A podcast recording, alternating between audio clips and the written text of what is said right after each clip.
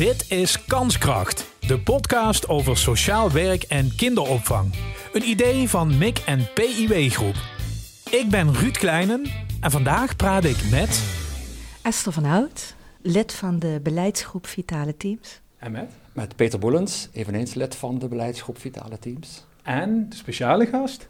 Hans de Ridder, ik ben opbouwwerker bij Partners Welzijn. Ja, mensen die de podcast volgen, die zullen Peter en Esther nog niet zo lang geleden al een keer gehoord hebben. En er kwam meteen een mailtje overheen. Ja, wij willen nog een keer. Eh, Peter, waarom? Want Napoleon hadden wij het over gehad. Dat zullen veel mensen zich nog herinneren. Ja. Tchaikovsky was er zelfs bij betrokken. Ja, ja, en nu. Peter?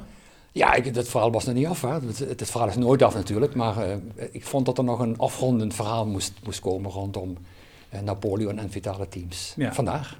Want e- even terug, we hadden Napoleon een beetje neergezet als voorbeeld in het anders denken in organiseren. Je gaat uit van het talent wat er is. Het heeft niet zozeer te maken met je afkomst. Hè. Zo organiseerde hij zijn Ja. legers. Ja, ja. En daar boekte hij toch wel een behoorlijke tijd behoorlijk veel succes mee ook. ja. En wij gingen een beetje groot denken, toen ging het mis. Maar goed, daar hebben die het over gehad verder, maakt niet uit. Ehm, en die manier van denken, boor dat talent aan wat er is, dat was een beetje het vertrekpunt, hè, laat ik het zo maar even zeggen. Ja, dat was inderdaad het vertrekpunt. En ja, Napoleon had natuurlijk, Vitaal Team bestond in die tijd niet, die naam bestond niet en, en de zelforganisatie bestond natuurlijk ook niet. Maar wat Napoleon natuurlijk wel gedaan heeft, hij heeft natuurlijk wel het, het iets van organiseren op de kaart gezet. Hij heeft een flinke rol gespeeld in de ontwikkeling van organisaties. Ja. En wat, we nu, wat hij toen deed met de juiste man op de juiste plek, dat heet tegenwoordig Human Resource Manager, dus dat zo kun je het een beetje zien. Maar verder dan dat gaat het in feite ook niet. Behalve dan dat hij flink eh, ja, een stuk op de kaart gezet heeft wat organisaties betreft. Ja, en dat brengt me bij het ehm, stukje van eh Frédéric Laloux. En dat is een meneer die heeft een heel mooi boek geschreven. Dat heet eh, Reinventing Organizations. Een hele interessante naam. En die heeft een, een, een studie gemaakt van de geschiedenis van organisaties. En, zijn, en, en daar, daar komt Napoleon natuurlijk over een stukje van terug. Maar de grote lijn van die organisatie, waar we het vorige keer ook een beetje over hadden, was dat eh, iedere mens toch geneigd is om te streven naar zelf, zelfbeschikking, naar zelforganisatie en zelfbeschikken. Eh, zelf keuzes maken. Kortom, die enorme drang naar vrijheid, waar we de vorige keer ook wat over hadden. Ja. Dat, zit, dat is een rode, rode draad in, dat, in, in de hele geschiedenis van, van organisaties. En in toenemende mate willen mensen graag zelf beschikken en zelf beslissen. Dat is, dat is een van de belangrijke dingen die hij bedacht heeft. Het tweede wat hij, wat hij uitgevonden heeft, is dat hij eh Gallup, dat is een, een, een, een grote organisatie die onderzoeken doet wereldwijd. En die, heeft, eh, die, die, die doet bijvoorbeeld naar de, de arbeidstevredenheid en naar engagement op het werk onderzoek. En daar komt uit dat rond de 15, tussen de 15 en 20 procent van de mensen geëngageerd in het werk zit. En dat betekent dat heel veel talent en heel veel deskundigheid en creativiteit verloren gaat. Omdat mensen er gewoon zitten omdat ze er moeten zitten. En dat ze de, de, de baas zegt dat ze dingen moeten doen. En dat ze wat dat betreft niet los kunnen komen van die traditionele patronen van ik ben de baas en jij bent de knecht. Ja, en je voert uit en daar betaal je je dingetjes mee en that's it. Ja. Esther, toch even naar jou, want je denkt dan, oké, wij, wij proberen op die manier te denken, we proberen het talent dat er is aan te boren, de mensen moeten op de goede plek terechtkomen. En nemen jullie Hans mee. Ja, wij nemen Hans bewust mee, want wij wilden vandaag eigenlijk van Napoleon eh, de brug maken naar... eh, ja, wat doen wij nou concreet binnen Partners in Welzijn en binnen de mix, eh, hè, mixspelenderwijs, want we werken organisatiebreed. En eh, we hebben Hans meegenomen omdat we in het team van Hans ook concreet aan de slag zijn gegaan. Eh, en eh, we hoopten dat Hans ehm, vandaag iets zou kunnen vertellen over, ehm, ja, samen met ons, hoe hem dat bevallen is. En ja, of dat een beetje aansluit bij eh, de verwachtingen die het team eh, daarvan Ja. had. Dus we vragen ons eigenlijk af of Hans het wolkendek heeft zien wijken en de zon heeft zien doorbreken. Daar gaat het eigenlijk om. hè? Ja, zoiets. Ja, maar of dat op het werk was, dat weet ik niet meer. Nou, Want even Hans, ik, eh, deze mensen werken hard Ja. om dat besef Ja, ja. te laten doordruppelen. Hoe, Ja. hoe kwam dat bij jou binnen? Belden ze je op? Of, eh? ik, ik opereer vanuit het eh, team eh Stijn in de oude organisatiestructuur. Dat is een, eh, een, een multidisciplinair team wat eh, de afgelopen jaren grote periodes heeft gewerkt zonder aansturing van een community manager of een teamleider. Dus wij waren eigenlijk eh, best wel door de omstandigheden gedwongen om vooral zelf ja, heel veel te bedenken, te organiseren, met elkaar zaken op te pakken waarbij we vanuit verschillende diensten, maatschappelijk werk, openwerk, jeugd- en gezinswerk, de praktijk van alle dag, de buurt waar we in werken, om daar de bewoners zo goed mogelijk te ondersteunen. Daarnaast ben ik een, een, een oberwerker, een jongerenwerker. En dat is per definitie een ras, om het zo maar even uit te drukken, die gewend zijn om hun eigen tekening te maken, buiten de lijntjes te kleuren. En dat past natuurlijk heel erg bij de beweging die onze organisatie aan het maken is. Uh, daar waar het gaat om het bevorderen van vitale teams, teams die vooral naar binnen gericht zijn en, en kijken naar elkaars talenten en kijken hoe ze daarop aan kunnen sluiten. Ik denk dat wij daar uh, in Stijn uh, en in Stijnbeek uh, al hele grote stappen in gezet hebben. Ehm, sterker nog, we voelen ons eigenlijk op dit moment wel een beetje geremd door die nieuwe organisatiestructuur. We voelen ons ook geremd, mede door corona, maar ook door de wijze waarop we daarin gefaciliteerd worden. Want ik denk dat je als vitaal team uh, het heel goed moet weten wat je aan elkaar hebt als collega's. Maar om je werk goed te doen, moet je herkenbaar zijn in, in een gemeenschap, in een buurt. Moet je beschikken over faciliteiten die ervoor zorgen dat de bewoners, waarvoor we toch eigenlijk met z'n allen op aarde zijn, mm -hmm. dat die je goed kunnen vinden. En ja, goed, dat, dat ervaren wij in Stijn in ieder geval nog steeds als een belemmering om die beweging van die vitale teams goed te maken. Ja, dus eigenlijk zijn jullie verder dan de rest van de organisatie. Deels door het menstype dat er rondloopt, deels door de omstandigheden waar jullie mee te maken hadden. Nou kijk, Napoleon was ook al een beetje verwaande kwast. En ik wil niet zo overkomen, maar nu jij dat zo zegt... Ik mag het zeggen, uh, Precies, wat ja. jij interviewt. Hè? Dus uh, ja, ik denk wel dat je gelijk hebt. Ik denk dat wij medegeleid door de omstandigheden die ik uh, schetste, mm. dat we daardoor uh, als team op onszelf waren geworpen. En dan komen dat soort uh, krachten, dat soort talenten komen dan naar voren. Want ja, er is, geen, er is geen alternatief, dus je moet wel.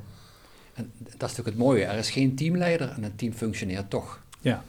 En misschien zelfs nog wel beter als van tevoren. Ja, dus even om bij Napoleon te blijven. De hoge officieren waren er niet en het kwam goed op het slagveld. Ja, ja. ja precies. En nu moet Hans weer terug in het keurslijf, een beetje, begrijp ik. Kunnen jullie hem helpen? Kunnen jullie moeten inspreken? Gaat de rest van de organisatie achter hem aan? Want dat is denk ik het werk van een stuurgroep. De rest moet dit gaan doen. Nou, dat is natuurlijk een hele grote troost. Als ik uh, over mij, en dat boek wat ik net noemde en alle dingen die er in, de wereld gebeuren, het is onstuitbaar. Dit, dit mechanisme van, van de, de, de drang naar vrijheid, zal ik maar zeggen, is onstuitbaar. Dus het is niet een kwestie van eh, een keuze maken dat het gaat gebeuren of hoe het gebeurt. Het gaat gewoon gebeuren. Hoe dan ook. Hoe dan ook. Ja. En dan denk ik, Hans, dat jij de mensen die de stuurgroepen vormen heel goed kan helpen. Jullie hebben met het bijltje gehakt. Jullie mm. kunnen een voorbeeldfunctie vervullen in Stijn. Ja, nou dat, uh, dat zijn we eigenlijk ook al aan het doen. Hoe? Uh, door uh, toch vooral ook buiten die lijntjes te kleuren. door ook binnen de nieuwe structuur toch vast te houden aan datgene wat, wat goed was. Ehm, en, en, daar gaan we gewoon mee door. Gecoördineerd aan vasthouden wat goed was? Of, of, of hebben jullie dat er een beetje nou, doorheen geramd? Van nou, nee, het gaat nee, niet goed, nee, laat maar gaan. Nee, nee, nee. Nee, nee. uh, onze organisatie, zo ervaar ik het zelf, geeft uh, voldoende ruimte en vrijheid om daar uh, binnen de kaders die gesteld worden, ja, als team inhoud aan te geven. het komt Kijk, omdat we zo groot worden, heb je denk ik als organisatie ook weinig keus dan in te zetten op zelfsturende teams. Want anders zouden er misschien nog uh, team community managers uh, aangetrokken moeten worden. Die al die mensen die nu uh, aan het werk zijn in, in, in die buurten en, en, wijken, om die goed kun, te kunnen aansturen. Mm -hmm. Dus ja, het, het, is net al wat, wat Peter zegt, joh, het, is, het is een, niet meer terug te draaien. Ja, ja, en het leuke van jullie team was dat je toch nog open stond. Hè? Want jullie zijn er al heel erg mee bezig. Maar dat jullie wel nog wat vragen hadden over van... hoe kunnen we elkaars kracht nu beter in gaan zetten. Hè? Dat, uh, dat jullie zoiets hadden van... Um, ja, we, we, jullie waren ook nog bereid om te kijken waar je uh, nog wel wat kon verbeteren. En ja. daarvoor zijn wij toen ingezet. Ja. En hebben toen met een aantal tools, hè, waaronder de diskmethode. Ja. Ik weet niet of jullie die kennen. Dat is met kleuren ja. uh, kun je een analyse maken van welke persoonlijkheid je bent. Hè, aan de hand van een vragenlijst. Ja. En dan komt daar een persoonlijkheid uit. En zo leer je elkaar wat beter kennen. En zet je ook de juiste man op de juiste plek. Hè, waar wij het de hele tijd over hebben. En dat was heel erg leuk met jullie team. Omdat jullie al zo goed op elkaar ingespeeld uh, waren. Konden we daar die ochtend ook ja, goed mee, mee uit de voeten. Nou, en wat, wat heel belangrijk was om tot dat resultaat te komen, was dat er een, een sfeer heerste. Ook gegroeid, ook ontstaan door de omstandigheden. Die een stuk veiligheid bood om die verkenning met elkaar te maken. En waardoor uh, bijvoorbeeld tegenstellingen als pas in dienst en al uh, zoals ik uh, sinds jaar en dag in dienst, dat dat niet meer zo belangrijk was. En dat je over en weer ja, over je schaduw heen kon stappen om ja, van elkaar te leren ik van die jongere collega die heel fris naar zaken kijkt. En andersom, die jonge collega die denkt van ja, misschien is het ook wel leuk om eens even te kijken van wat ligt er al aan ervaring. En hoe kunnen we dat uh, met elkaar delen en gebruiken. Ja, mm -hmm. dus er wordt ook wel uh, een drempel weggenomen richting die ervaren medewerker. Omdat je daar gewoon anders mee omgaat. Dat, is niet meer, dat zorgt niet meer automatisch voor autoriteit. Inderdaad, maar ook puur vanuit de inhoud denk ik dat we in Stijn werken vanuit wat leeft er in die gemeenschap? En zodoende krijg je dus dat een maatschappelijk werker niet alleen een hulpverleningstraject met een cliënt opzet, maar ook als een soort bijvangst uh, oppikt wat er nog meer speelt in die straat en daarmee schakelt met de opbouwwerker. De opbouwwerker is niet alleen met groepen bezig, maar uh, maakt ook de verbinding met de jeugd- en gezinswerker als het gaat om in casuïstiek uh, iets, iets uh, te betekenen omdat hij daar toevallig een ingang heeft. We hebben die, die onderlinge barrières die tussen die verschillende beroepsgroepen sinds jaar en dag leefden kunnen, kunnen afbreken of in ieder geval open kunnen breken, zodat je veel meer gezamenlijk met elkaar die gemeenschap in kunt trekken. En, en daardoor ook veel herkenbaarder bent. Niet zozeer als partner zowel, maar als, als professional, als mens. Hè, want iedereen zegt tegen mij, of iedereen zegt tegen ons: je bent zeker een maatschappelijk werker. Gewoon de burger heeft dat niet scherp op het netvlies dat de ene dit en dat. Nee, je bent gewoon allemaal maatschappelijk werker, terwijl we dat natuurlijk niet zijn. Maar, dus mm wij werken gewoon heel erg vanuit die gemeenschap. En vanuit het principe dat die gemeenschap in principe alle uh, vragen zelf kan oplossen. En soms wat hulp van buitenaf uh, nodig heeft. En dan zijn wij er, omdat we bereikbaar zijn. Maar we gaan ook weer. We moeten niet de illusie hebben dat we van de gemeenschap zijn.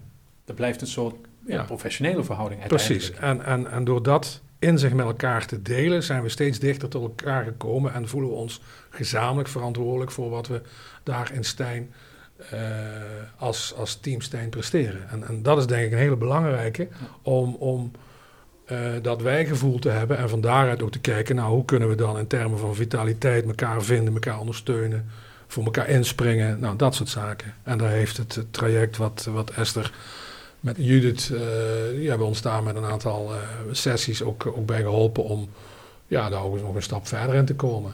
En jullie hebben ons weer geholpen, want daaruit is dan weer de tool, het collega-boekje ja. gekomen. Hè? Want wij leren dan ook weer van ja. die sessies uh, om hè, wat er dan nog nodig is binnen zo'n organisatie. Want een collega-boekje, dat is een? Ja, dat zijn we nu aan het ontwikkelen. Hè, Peter en ik en uh, nog een collega. Dat is een soort van, uh, kijk, het oude vriendenboekje boekje op de lagere ja? school.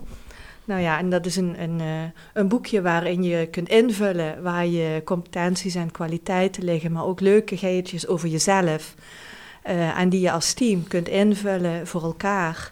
En waardoor een collega kan zien van, goh, hè, Hans gaf bijvoorbeeld aan, mij niet bellen voor tien uur, want dan ben ik chagrijnig en dan kun je veel minder bij mij bereiken dan uh, uh, daarna. Even voor de dus, goede orde, het is nu bijna vier uur middags, ja, dus ja, we zitten oké, okay, het is niks aan nee, okay. ja, Dus dat soort leukigheidjes van elkaar uh, te weten komen, waardoor je ook elkaar op de juiste manier kunt aanspreken. En ja. dat is dus geen boekje wat we gaan verspreiden door de hele organisatie, maar gaan inzetten daar waar nodig, mm. of daar waar wij van denken van dat team wil dat ook, hè? Want, mm. want wij werken heel erg vraaggericht. Dus ja. als daar een vraag ligt binnen een team, dan, nou, dan is dat een hele leuke tool. Maar dat is dus voortgekomen uit de sessie met Team Stijn ja, dus. En er zit iets heel moois in wat Hans ja. zegt over dat buiten de lijntjes kleuren. Want dat is denk ik voor een stukje waar het om gaat. Want nu, dat deden we vroeger eigenlijk ook al. Maar niet omdat we zo rebeld zijn, maar omdat die situatie nou eenmaal niet altijd hetzelfde is. Iedere situatie die wij meemaken is anders. En dan werd je soms teruggefloten, ja, maar het protocol zegt dat je dat niet mag. En eh, ja, het registratieprogramma van een klein volkssysteem, ja, dan moet je dit invullen, want dan is het niet goed. Nou, als je daarvan los kunt komen, van, van dat gegeven, van die harde lijnen van die protocollen en die harde lijnen van, van die afspraken die er zijn, dan krijg je, kun je hele mooie dingen doen. Je moet, je moet het natuurlijk verantwoordelijk doen en op een goede manier doen. Maar als je iemand de ruimte daarvoor geeft, dan, krijg je, dan spreek je zijn creativiteit aan. En dan kan het net zo goed zijn dat iemand zegt van voor tien uur moet je me niet bellen, want dan ben ik chagrijnig. Ja, dat is, dat, ja je, je begint toch om half negen. Nee, dat is niet juist de kracht. Dat je eh, dingen doet met iemand, iemand goed in is. Toch even Hans, het is in Stijn goed gegaan en eh, we zijn een beetje eh, door omstandigheden voor de leeuwen gegooid, zou ik maar zeggen. We hebben het goed gedaan.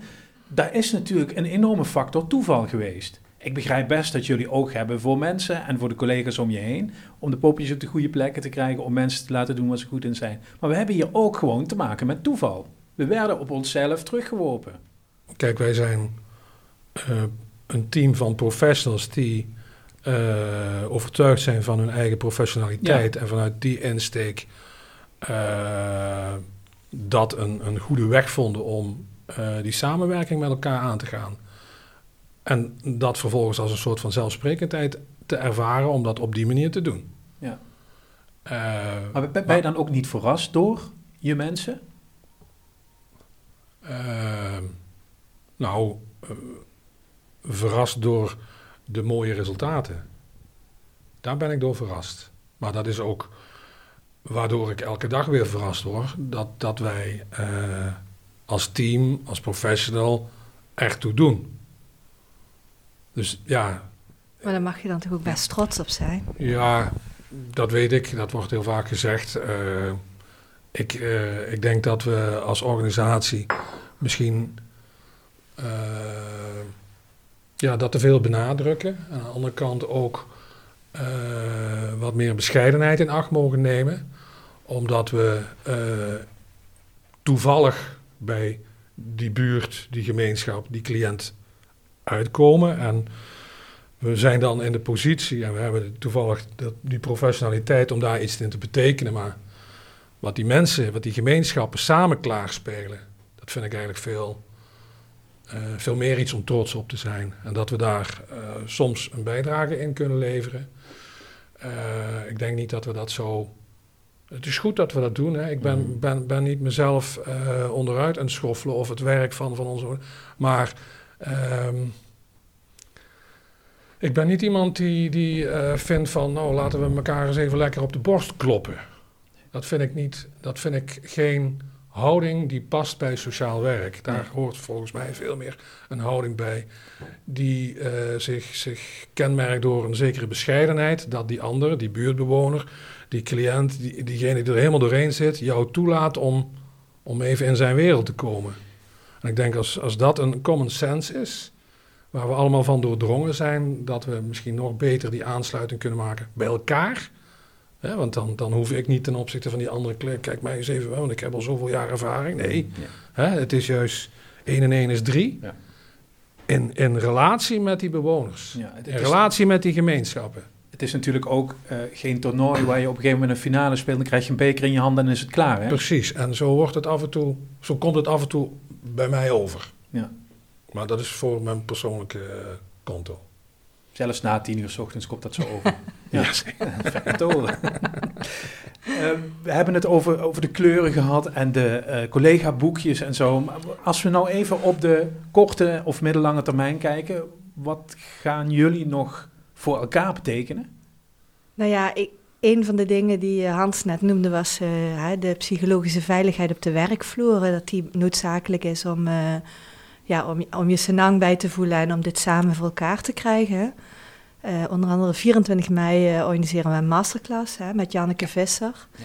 En die is helemaal gericht op psycholo- psychologische veiligheid. Daar kunnen mensen zich op inschrijven. Ehm, we hebben nog een aantal lezingen georganiseerd eh, die mensen wat, wat bewuster kunnen maken van... In april hebben we nog Wouter het Hart uitgenodigd voor een, voor een webinar. In de avonduren voor de mensen die dan eh, tijd en zin hebben. Dat gaat over verdraaide organisaties. Van beneden naar boven. Precies. Zo zit het in elkaar. precies. Ja. Dus, dus daar, daar, daar wordt gewerkt aan coaching en dat soort dingen, de bewustwording. En Hans, naar jullie toe? Wordt hij nog uitgenodigd? Nou, we hebben bij Hans weer een uh, afspraak gemaakt om te kijken of we nog, nog iets voor elkaar kunnen betekenen. Hè? Dus uh, de Ja, komende periode gaan wij weer bij elkaar zitten om te kijken van uh, hoe loopt het nu. Niet alleen met Hans, met zijn hele team. Ja. Ja. ja. Ja, en verder gaan wij ook wat een beetje op tournee, zal ik maar zeggen. Wij zijn net eens even naar boven gelopen naar de afdeling eh, finance en eh, wat zit daar nog, Eh, de controllers en zo. Mensen die je eigenlijk normaal niet ziet of sp- spreekt. En eh, daar zijn we ons gaan voorstellen. En dan hebben we een heel interessant gesprek over zelforganisatie. En eh, we proberen toch een beetje de, de visie uit te goed uit te dragen. ja. En Ja, eh, ja. mensen warm te krijgen om... Ja, dat Ja, geldt dus ook voor die afdelingen. Ja, zeker. ja. Eh, tot slot, we moeten weer naar Tchaikovsky, begreep ik, hè? Ja. Jij als muzikant, Ja. je, leidt hem met verven in. Ja, nee, goed, ik denk dat we ook moeten afsluiten met een stukje van, eh, het laatste stukje van Overture van 1812. De grote finale. De grand, grand finale. Dank jullie wel en succes.